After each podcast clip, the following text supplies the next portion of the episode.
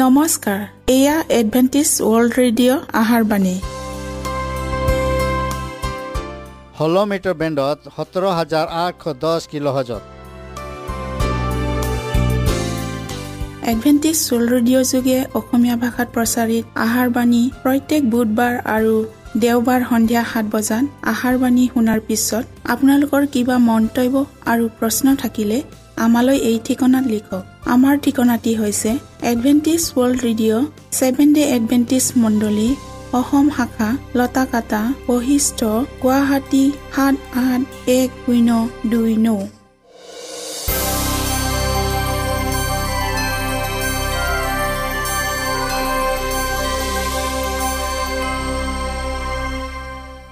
প্ৰিয় শ্ৰোতা বন্ধুসকল এতিয়া শুনো আহক এটি খ্ৰীষ্টীয় ধৰ্মীয় গীত।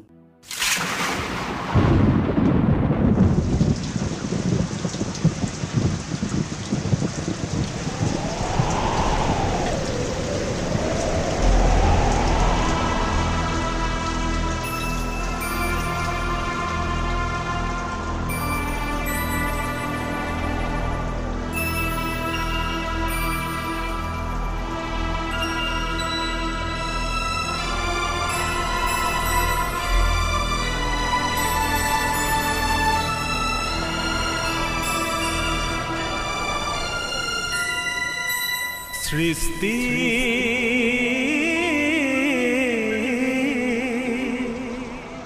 আদিতে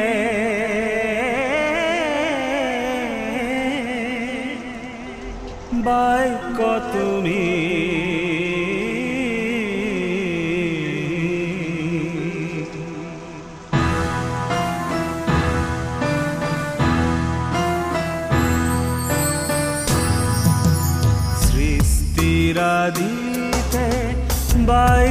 তুমি করিলা সৃষ্টি বিশ্ব ব্রহ্মাণ্ড বিশ্ব ব্রহ্মাণ্ড।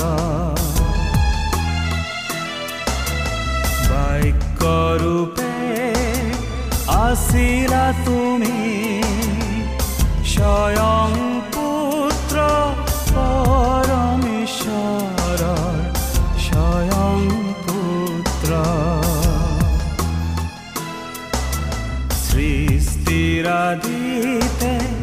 বাক্য তুমি তুমি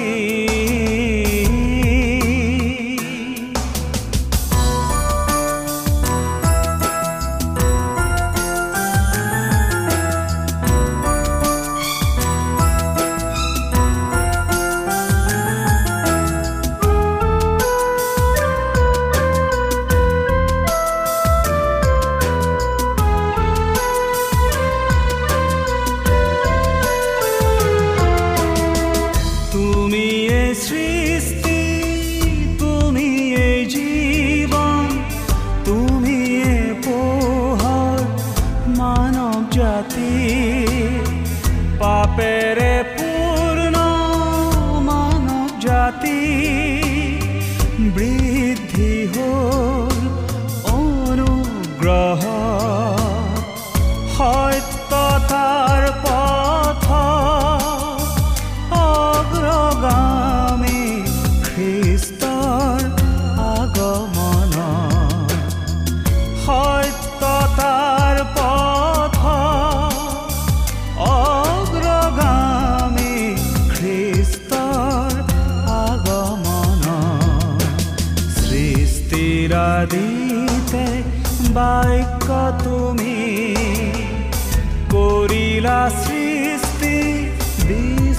Brahmanda, Bisa Brahmanda.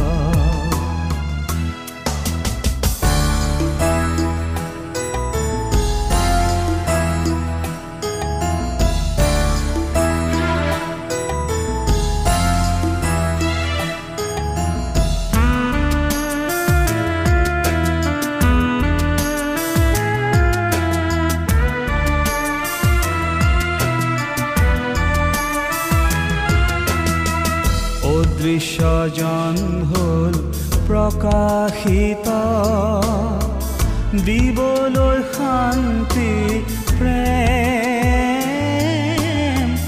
অদৃশ্য অদৃশ্যজন হ'ল প্ৰকাশিত দিবলৈ শান্তি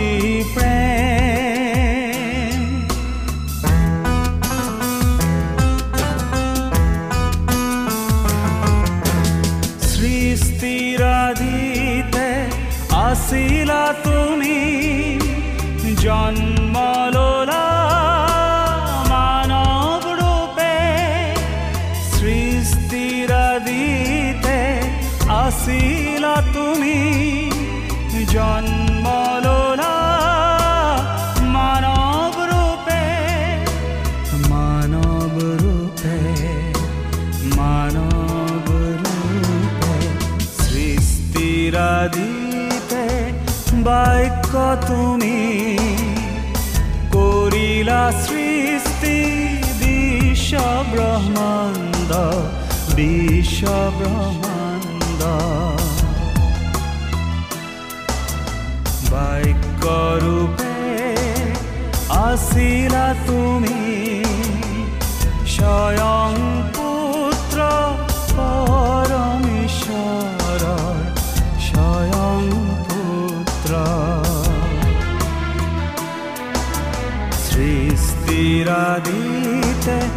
বাক্য তুমি।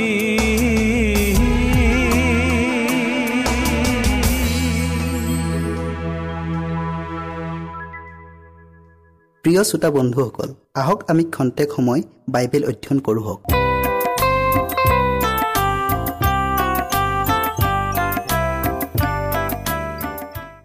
আজিৰ আমাৰ বিষয়টি হ'ল স্বাস্থ্যকৰ জীৱন নিৰ্বাহ কৰা। বাইবেল পতি লোৱা হৈছে ৰোমিঅ' বাৰ অধ্যায়ৰ এক পদ। এতেকে সেই ভাইবিলাক ঈশ্বৰৰ সকলো কৰোণাৰ দ্বাৰাই মই তোমালোকক এই বিনয় কৰোঁ। তোমালোকে নিজ নিজ শৰীৰক জীৱিত পবিত্ৰ আৰু ঈশ্বৰৰ গ্ৰহণীয় বুলি স্বৰূপ উৎসৰ্গ কৰা। এয়ে তোমালোকৰ যুক্তিসংগত আৰাধনা। আমি প্ৰাৰ্থনা কৰোঁ হওক। স্বৰ্গত থকা জীৱনময় গৰাকী ত্ৰাণকৰ্তা ঈশ্বৰ যে হোৱা ধন্যবাদ প্ৰভু তোমাৰ প্ৰেম আৰু আশীৰ্বাদৰ বাবে। তুমি যেনেকৈ আমাৰ লগত দিনেই ৰাতি আছে ঠিক তেনেদৰে এতিয়াৰ বিশেষ সময়তো তুমি আমাৰ লগত থাকা। প্ৰভু পবিত্ৰ আত্মাৰ যোগেদি সকলো শ্ৰোতাৰ হৃদয়খন স্পৰ্শ কৰি দিয়া। যীশুৰ নামত খুজিলোঁ আমেন। শাৰীৰিক মানসিক আৰু নৈতিক অৱস্থাক সজীৱতাৰ পৰা বঞ্চিত কৰিব পৰা কু অভ্যাসবোৰকে যদি অনবৰত পোষণ কৰি থকা যায় তেন্তে ঈশ্বৰৰ গ্ৰহণীয় হ'ব পৰাকৈ এজন মানুহে নিজৰ শৰীৰটোক পবিত্ৰভাৱে জীৱন্ত বলিদান হিচাপে উৎসৰ্গ কৰাটো অসম্ভৱ। পাচনি পৌলে আকৌ কৈছে আৰু তোমালোকে জগতৰ অনুৰূপ নহবা। কিন্তু যিহতে ঈশ্বৰৰ ইচ্ছা অৰ্থাৎ উত্তম গ্ৰহণীয় আৰু সিদ্ধ কি? তাক পৰীক্ষা কৰি জানিবা। তাৰ কাৰণে তোমালোকে নতুন মন কৰাৰ দ্বাৰাই আন ৰূপ ধৰা। আমি এনে এখন পৃথিৱীত বাস কৰিছোঁ যি ধাৰ্মিকতা আৰু পবিত্ৰ চৰিত্ৰৰ বিৰুদ্ধে কথা কয় আৰু বিশেষকৈ অনুগ্ৰহত অৰ্থাৎ ঈশ্বৰৰ কৰোণাত বৃদ্ধি পোৱাটোক চকু পৰি চাব নোৱাৰে। যলৈকে আমি চাই পঠাওঁ তাতেই কেৱল অনৈতিকতা অধাৰ্মিকতা আৰু দুৰ্নীতি পাপ প্ৰৱণতা দেখিবলৈ পাওঁ। যেতিয়া অমৰতাক আমালৈ প্ৰদান কৰা হ'ব তেতিয়া এইবোৰ বিষয় আমাৰ বাবে কিমান বিপৰীত বিষয় হ'ব। ঈশ্বৰৰ মনোনীত জন দুৰ্নীতিৰ মাজতো আৰু চাৰিওফালৰ পৰা অধাৰ্মিকতাই বেৰি ৰখিলেও নিষ্কলংক হৈ থাকে। পাপৰ দাগ নলগাকৈ থাকে। তেওঁবিলাকে তেওঁবিলাকৰ এই নিষ্কলংকতাক অন্তিম দিনলৈকে ধৰি ৰাখিব লাগিব। তেওঁবিলাকৰ শৰীৰ নিশ্চয়কৈ পবিত্ৰ হ'ব লাগিব আৰু তেওঁবিলাকৰ জীৱন শুদ্ধ হ'ব লাগিব। যদি এই সকলোবোৰ আৱশ্যকীয় কাৰ্যবোৰ সম্পন্ন কৰিব লাগে তেন্তে অতি সোনকালে ইয়াক হাতত লোৱা উচিত আৰু আন্তৰিকতাৰে আৰু বিবেচনাৰে কৰিব লাগে। প্ৰতিটো কাৰ্য ঈশ্বৰৰ আত্মাৰ সম্পূৰ্ণ নিয়ন্ত্ৰণত থাকিব লাগিব আৰু পবিত্ৰ আত্মাৰ অনুপ্ৰাণিত হ'ব লাগিব। প্ৰভুৰ আগমনৰ বাবে লোকসমূহক প্ৰস্তুত কৰি যজ্ঞৱান কৰি তুলিবলৈ যি মহান কাৰ্য কৰা হৈছে এই স্বাস্থ্য সংস্কাৰৰ কাৰ্যটো সেই মহান কাৰ্যৰে এটা শাখা। নৰ নাৰীয়ে সিহঁতৰ কুলসিত লোপ লালসা আৰু কামুকতা লম্পট আচৰণ আদিৰে ঈশ্বৰৰ বিধান উলংঘন নকৰাকৈ প্ৰকৃতিৰ নিয়ম লংঘন কৰিব নোৱাৰে। সেইকাৰণে তেওঁ আমালৈ স্বাস্থ্য সংস্কাৰৰ পোহৰ পঠিয়াই দিছে যাতে তেওঁ আমাৰ প্ৰতিটো প্ৰতংগৰ ভিতৰত যিবোৰ নিয়ম স্থাপন কৰি ৰাখিছে সেইবোৰ লংঘন কৰি পাপত যেন পতীত নহওঁ। তাক এই পোহৰৰ যোগেদি যেন আমি উপলব্ধি কৰিব পাৰোঁ। প্ৰিয় শ্ৰোতা বন্ধুসকল প্ৰকৃতিৰ বিধানক সৰল কৰিবলৈ আৰু ইয়াক বাধ্যতাৰে পালন কৰিবলৈ যি প্ৰচেষ্টাৰ দৰকাৰ সেইটোক তৃতীয় স্বৰ্গদূতৰ বাণীত উল্লেখ কৰা হৈছে। তেওঁ ইয়াক এনেকৈ সজাইছে যে ইয়াৰ পৰা কোনেও এৰাই চলিব নোৱাৰে বৰং যেনেকৈ হ'লেও ইয়াক কাৰ্যকৰী কৰিব লাগিব আৰু ইয়াক অনুসন্ধান কৰিবলৈ জনতাৰ মনবোৰ আন্দোলিত হ'ব। কিন্তু এয়া নৰ নাৰীৰ বাবে অসাধ্য কাৰণ পাপপূৰ্ণ কাৰ্য স্বাস্থ্যৰ ক্ষতিকাৰক দ্ৰব্য ব্যৱহাৰ আৰু মগজু উত্তেজিত কৰা দ্ৰব্য ব্যৱহাৰ কৰা অভ্যাস আদিয়ে সিহঁতক পবিত্ৰ সত্যতাৰ পৰা দূৰৈত ৰাখিছে। প্ৰিয় শ্ৰোতা বন্ধুসকল স্বাস্থ্য ৰক্ষাৰ হকে স্বাস্থ্য সংস্কাৰৰ নিয়মৰ যি পোহৰ ঈশ্বৰে প্ৰদান কৰিলে এই পোহৰক যিজনে সৎ ব্যৱহাৰ কৰে তেওঁ এটা অতি প্ৰয়োজনীয় কাম সম্পন্ন কৰিলে কাৰণ সেই সত্যতাৰ মাজেৰে এই কামটোৰ দ্বাৰাই তেওঁ নিজকে পবিত্ৰকৃত কৰিলে আৰু অমৰতা পাবলৈ নিজকে যজ্ঞবান কৰিলে। গালাটীয়া দুই অধ্যায়ৰ বিছ পদটো আমি আকৌ চাওঁ হওক। মই কৃষ্ট সৈতে ক্ৰুচত হত হলো। মই যিছো বুলিলেও সেয়ে আৰু মই নহওঁ। কৃষ্টহে মোৰ জিছে। কিন্তু যি জীৱন এতিয়া মোৰ শৰীৰত আছে মোক প্ৰেম কৰা আৰু মোৰ কাৰণে নিজকে সমৰ্পণ কৰা ঈশ্বৰৰ পুত্ৰৰ কৰা বিশ্বাসহে মই সেই জীৱন যাপন কৰিছোঁ। বিশ্বাসৰ দ্বাৰাই পৌলে খ্ৰীষ্টৰ অনুগ্ৰহক সমাধাৰ কৰিব জানিছিল আৰু এই অনুগ্ৰহে তেওঁৰ জীৱনলৈ অত্যাৱশ্যকীয়খিনিক যোগান ধৰিছিল। বিশ্বাসৰ দ্বাৰাই তেওঁ স্বৰ্গীয় বৰদান লাভ কৰিছিল আৰু পোহৰৰ বিচাৰি থকা জীৱনবোৰক নিজেই লাভ কৰাখিনিক বিলাই দিব পাৰিছিল। এনে অভিজ্ঞতাকে আমাৰ প্ৰয়োজন। এনে বিশ্বাস পাবলৈ প্ৰাৰ্থনা কৰা। ইয়াক পাবলৈ প্ৰাণপণে চেষ্টা কৰা। ঈশ্বৰে যে এনে বিশ্বাস আপোনাক দান কৰিব তাক বিশ্বাস কৰা। পৃথিৱীত এটা কাম কৰিবলগীয়া আছে। পৃথিৱীখন এখন সপোনপুৰি নহয়। আমাৰ সন্মুখত থকা সকলোবোৰ দিতক সকলোবোৰ বাস্তৱ। প্ৰতিজন মানুহৰ কাৰ্যত ছয়তানৰ শক্তিৰ নমুনা দেখা গৈছে। আহক আমি সেই মহানজনাৰ লগত সহযোগিতা কৰোঁ হওক যিজনাই আমাক পুনৰুদ্ধাৰ আৰু উন্নীত কৰে। আৰু আহক আমি এইটো পাহৰি নাযাওঁ হওক যে যিজনে কৃষ্টৰ হকে কাম কৰে সেইজনে সকলো শক্তিৰ উৎস পৰাহে তেওঁৰ প্ৰয়োজনীয় শক্তিখিনিক পাব পাৰিব। নিজৰ সিদ্ধান্ত অটল হৈ থকাৰ শক্তি আৰু জ্ঞান খ্ৰীষ্টানসকলে লাভ কৰিব লাগিব।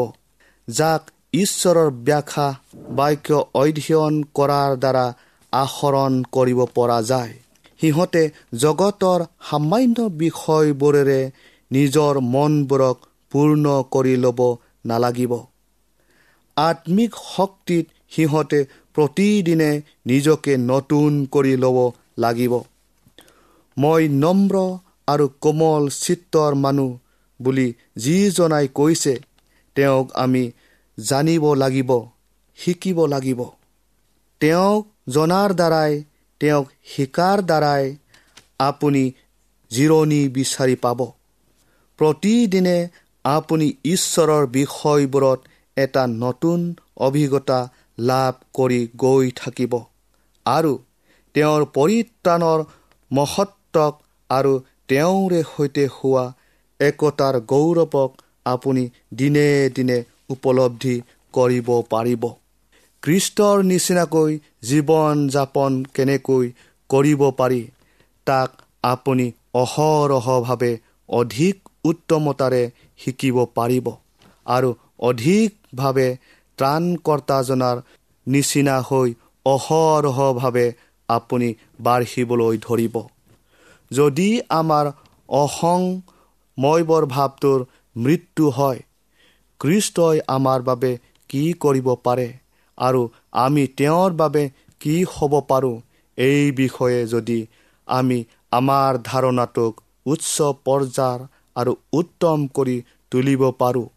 খ্ৰীষ্টান সহভাগিতাত আমি যদি পৰস্পৰৰ লগত একমত হৈ একতাৰ বান্ধোনত থাকিব পাৰোঁ তেন্তে ঈশ্বৰে প্ৰবল শক্তিৰে আমাৰ যোগেদি নানা ধৰণৰ কাম কৰিব। তেতিয়া আমি সেই সত্যতাৰ যোগেদি পবিত্ৰকৃত হ'ম। বাস্তৱিক আমি ঈশ্বৰৰ দ্বাৰা মনোনীত লোক হ'ব পাৰিম আৰু পবিত্ৰ আত্মাৰ দ্বাৰা চালিত হ'ম। প্ৰতিদিনে আমাৰ বাবে জীৱন হৈ পৰিব মূল্যৱান কাৰণ তেতিয়া অতি বিশ্বস্ততাৰে আমালৈ প্ৰদান কৰা বৰদানসমূহক আনৰ উপকাৰৰ অৰ্থে ব্যৱহাৰ কৰাৰ সুযোগবোৰক আমি দেখিবলৈ পাম। আনৰ হিতৰ বাবে কৰা প্ৰিয় কাৰ্যবোৰৰ বাবে আমি নিজকে পাহৰা উচিত। প্ৰিয় শ্ৰোতা বন্ধুসকল আমি সম্পন্ন কৰা কিছুমান দয়াশীল কামৰ বিষয়ে আমাৰ মনত নাথাকিব পাৰে। কিন্তু আনৰ পৰিত্ৰাণৰ হকে আপুনি সম্পন্ন কৰা আটাই কামৰ হিচাপ এদিন অনা হ'ব। ঈশ্বৰৰ সন্তানসকলক সান্তনা দিয়া প্ৰতিটো শব্দৰ হিচাপ লোৱা হ'ব আৰু কৃষ্টৰ হকে কামৰ তালিকা লোৱা হ'ব আৰু ইয়াৰ বাবে আপুনি পুৰস্কৃত হ'ব। ঈশ্বৰে আমাক সকলোকে আশীৰ্বাদ কৰক।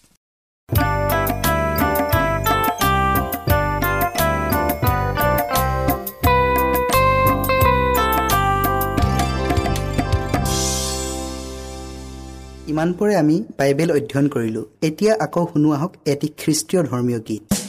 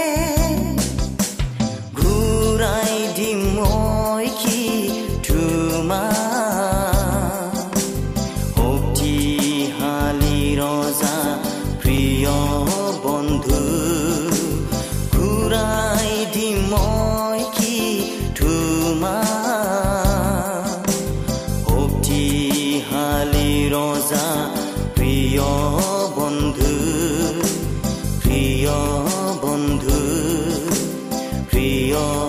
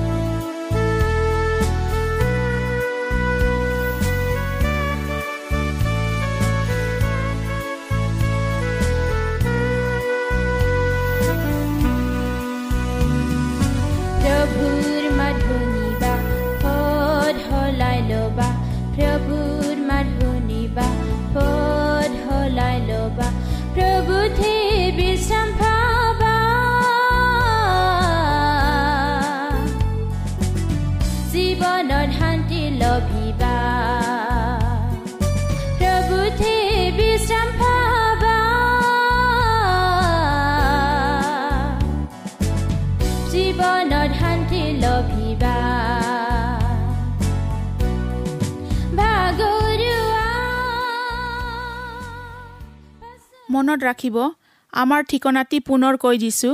Adventist world radio' Assam region of seven day Adventist voice of hope Latakata Basistha Guwahati seven eight one zero' two nine প্ৰিয় শ্ৰোতা বন্ধুসকল এডভেণ্টিজ ৱৰ্ল্ড ৰেডিঅ' যোগে আহাৰবাণী প্ৰচাৰত আপোনালোকক পুনৰ লগ পোৱাৰ আহাৰে আজিলৈ সামৰিলোঁ।